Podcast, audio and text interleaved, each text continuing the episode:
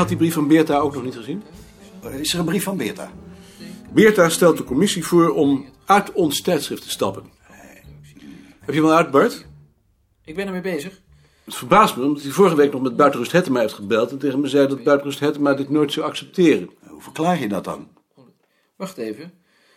Bovendien menen wij dat de persoonlijke verstandhouding tussen de Vlaamse en Nederlandse redacteuren op dit ogenblik nog van dien aard is dat de samenwerking zonder moeite kan worden omgezet in een vrijblijvende medewerking. Zodat Het zou me niet verbazen als hij dubbel spel speelde. Denk je dat dan? Hij probeert mij met zijn brief de wind uit de zeilen te nemen... maar intussen achter de schermen de zaken zo te regelen dat het schuitje blijft varen. Als de commissie ons straks opdraagt om het nog eens te proberen... dan is hij daar niet verantwoordelijk voor. Zoiets zou ik nou nooit van iemand zeggen. Ik ken Beerta. Maar je hebt er geen bewijs voor. Met Koning? Met Karel Ravelli, ik moet je iets verschrikkelijks vertellen. Anton heeft een beroerte gehad. Wanneer? Gisteravond, hij is voor de helft verlamd.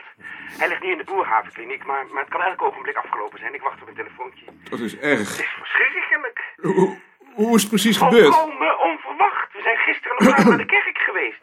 Toen heeft hij smiddags nog een brief zitten schrijven. Die heeft hij nog naar het bureau gebracht, omdat het haast had, zei hij. En toen kwam hij ineens mijn kamer in met een briefje dat hij niet meer kon praten. En heeft er nog verschrikkelijk om moeten lachen. Is zelfs nog met de machine gaan slepen toen we de dokter al hadden gebeld. Om daar nog wat boodschappen op te tikken. Je kent hem. Ja. Och, het is verschrikkelijk. Radeloos. Dat begrijp ik, Moet u ja. ook alles zien te regelen? Heb jij, heb jij zijn agenda daar misschien met zijn afspraken? We, eh, we zullen ook alles moeten afzeggen. Eh, Die neemt hij altijd mee, maar ik, ik zal er naar kijken. Eh, Als ik je ergens mee helpen Nee, kan...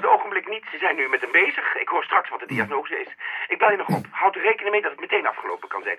Eh, Ik bel je nog met een andere telefoon gaan. Sterkte! Beerta heeft een beroerte gehad. Nee. Het zou toch niet van die brief geweest zijn? Dat zou natuurlijk best kunnen. Ik ga eerst maar naar Balk.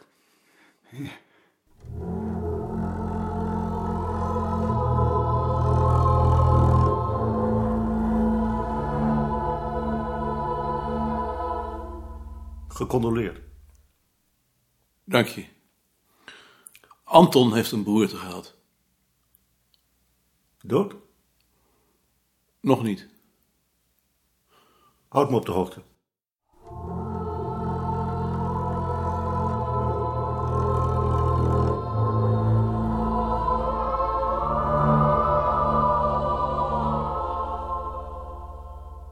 Dag meneer Koning, Dag meneer Goud. Mag ik u wel condoleren met het overlijden van uw vader? Dank u wel. Dat is een ernstig verlies. Ja. Leeft uw vader nog? Nee, die is ook overleden. Dan weet u wat het is. Ja, ik weet wat het is. Maar nu zijn we weer aan het werk. Ja,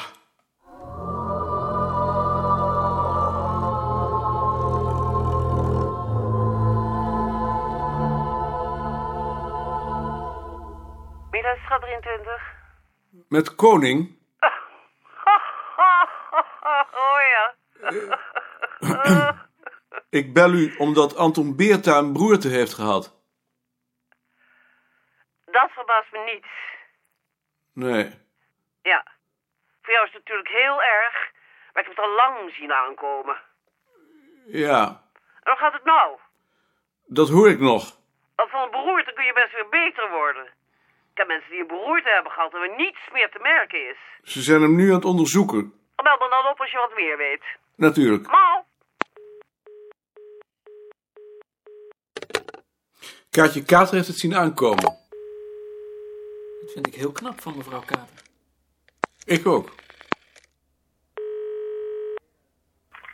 Buitenrust Hettema. Dag Karst, met Maarten. Ik bel je omdat ik juist van Ravelli hoor dat Anton gisteren een broerte heeft gehad. Wat zeg je? Eh, wacht even. Ik heb koning aan de telefoon en die vertelt me juist dat Anton Beerta een beroerte heeft gehad. Ja, Ze zijn hem op het ogenblik aan het onderzoeken. ze zijn hem op het ogenblik aan het onderzoeken. Maar Ravelli denkt dat het ieder ogenblik kan zijn afgelopen. Maar Ravelli verwacht dat het ieder ogenblik kan zijn afgelopen. Ja, Meer weet ik nog niet. Ik moet je zeggen dat ik het in en in triest vind. Ik ben er eigenlijk volkomen kapot van zelfs.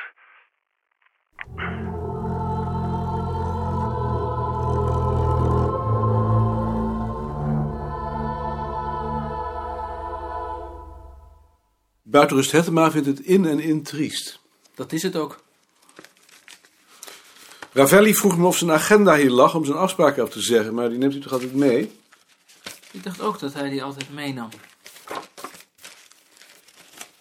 Ehm, ik vind alleen een notitie bellen voor woensdag.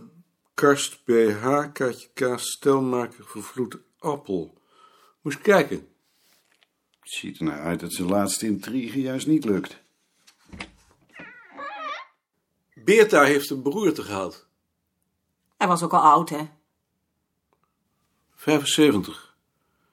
Hij had net een brief op mijn bureau gelegd waarin hij de commissie voorstelde om te breken met ons tijdschrift. En dan ga jij je daar zeker weer zorgen over maken. Dat zou ik nou maar niet doen.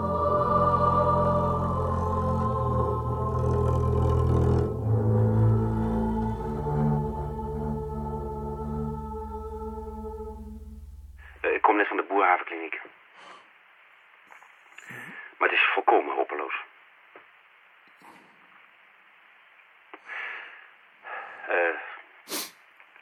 hij, heeft, hij heeft een lumbaal punctie gehad en een deel van zijn hersens is totaal vernietigd. God, zo'n William intellect ben ik kapot van. Ik, eh, ik, ik ben nog even bij hem geweest, maar het was verschrikkelijk. Ik weet niet of ik dat nog eens kan meemaken. Iemand die je zo goed hebt gekend. Te zien, te zien, zien verwoorden tot iets, tot iets dierlijks. Dat alleen maar vegeteert. Ja, en dan te bedenken dat dat ook ons lot is. Van jou en van mij en van ons allemaal. Het is afschuwelijk.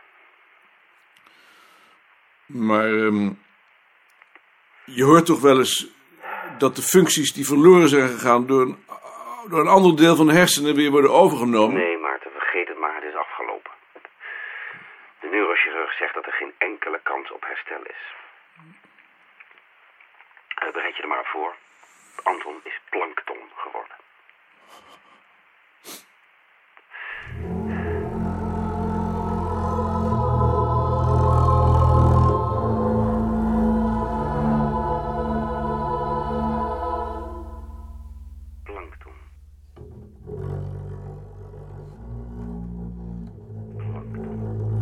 Eerst drong het tot hem door dat zijn vader dood was.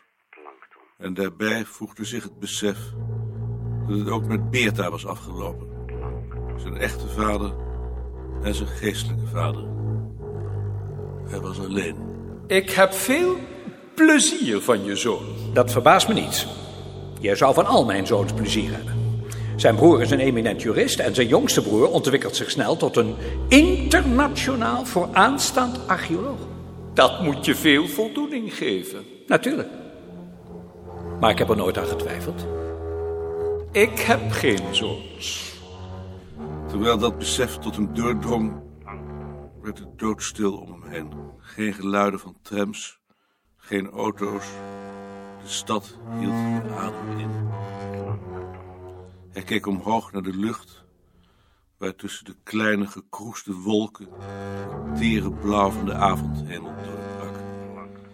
En onverwacht doorstroomde hem een geluksgevoel, zo intens dat hij zich alleen nog had hoeven af te zetten om in de ruimte weg te vliegen.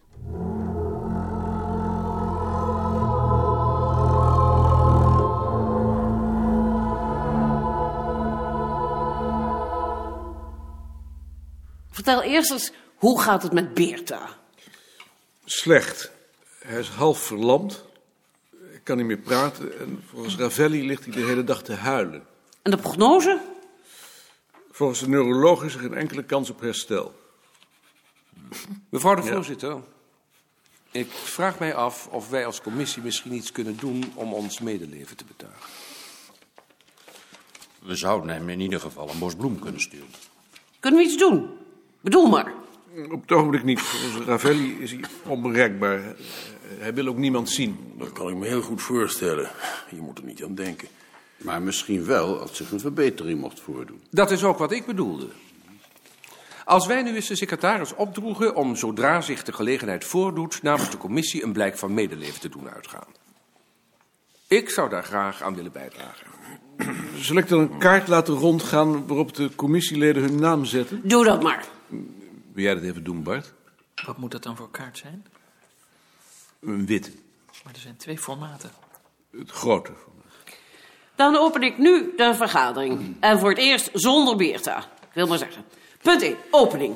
We hebben het achter de rug. Punt 2, berichten van verhindering. Secretaris, zijn er nog berichten van verhindering? Ehm, u zou voor de opening nog toestemming aan de vergadering vragen voor de aanwezigheid van Asjes en Muller. Moet dat? Eh, ik, dacht ik. Nou, als je dat vindt. De secretaris vindt dat ik moet vragen enzovoort, enzovoort. U er bezwaar tegen hebt als meneer Asjes en meneer Muller de vergadering bijwonen. Waarom eigenlijk meneer Asjes en meneer Muller? Je hebt toch meer ondergeschikten? Omdat die wetenschappelijk ambtenaar zijn. toch niet omdat het toevallig mannen zijn? ik wil maar zeggen. Nee, omdat ze wetenschappelijk ambtenaar zijn. Ik zou er anders geen enkel bezwaar tegen hebben wanneer mevrouw de Nooier voortaan ook de vergaderingen bijwoonde. Hij loopt bij mijn college. En, eh, ik vind dat een bijzonder pinter meisje. Dat is ook de bedoeling zodra ze afgestudeerd is. Wat moet ik daarmee? Voor Beerta. Uw naam graag. Nou, eh, soms heb je aan mensen die nog niet zijn afgestudeerd meer dan aan mensen die het wel zijn. En nu? En nu moet hij rond. Alsjeblieft. Niemand bezwaar tegen het voorstel van de secretaris? Geen enkel bezwaar wat mij betreft, mevrouw de voorzitter. Ik denk dat het de werkzaamheden alleen maar ten goede kan komen. Dan is dat dus aangenomen. Ik heet meneer Arsjes en meneer Muller welkom enzovoort enzovoort. Dan kan ik nu dus de vergadering Ik dacht dat de openen. heer Matser ook wetenschappelijk ambtenaar is. Moet hij er dan ook niet bij zijn? Ja. En dan open ik de vergadering. Een ogenblik nog, mevrouw de voorzitter. Ik dacht dat de heer Matser ook wetenschappelijk ambtenaar is. Moet hij er dan ook niet bij zijn? Moet Master er niet bij zijn? Ja, Jaring? Dat heb ik hem gevraagd, maar hij voelt er niet zoveel voor. Voelt hij er niet zoveel voor? Het is nog niet aan hem om dat te beoordelen. Ik bedoel, maar zegt u tegen hem dat de commissie er wel voor voelt... en dat hij hier de volgende keer verwacht wordt? Ik zal het hem zeggen. Tevreden, meneer Stelmaker? Zeker, mevrouw de voorzitter. Dan punt 2. Zijn er berichten van verhindering? Secretaris. Eh, mevrouw Wagenmaker en de heren Appel en Vester Juring zijn verhinderd. Mevrouw Wagenmaker zit in Italië. Appel heeft dit jaar op donderdag college en Vester Juring kreeg mensen van het ministerie. Waarvan akte?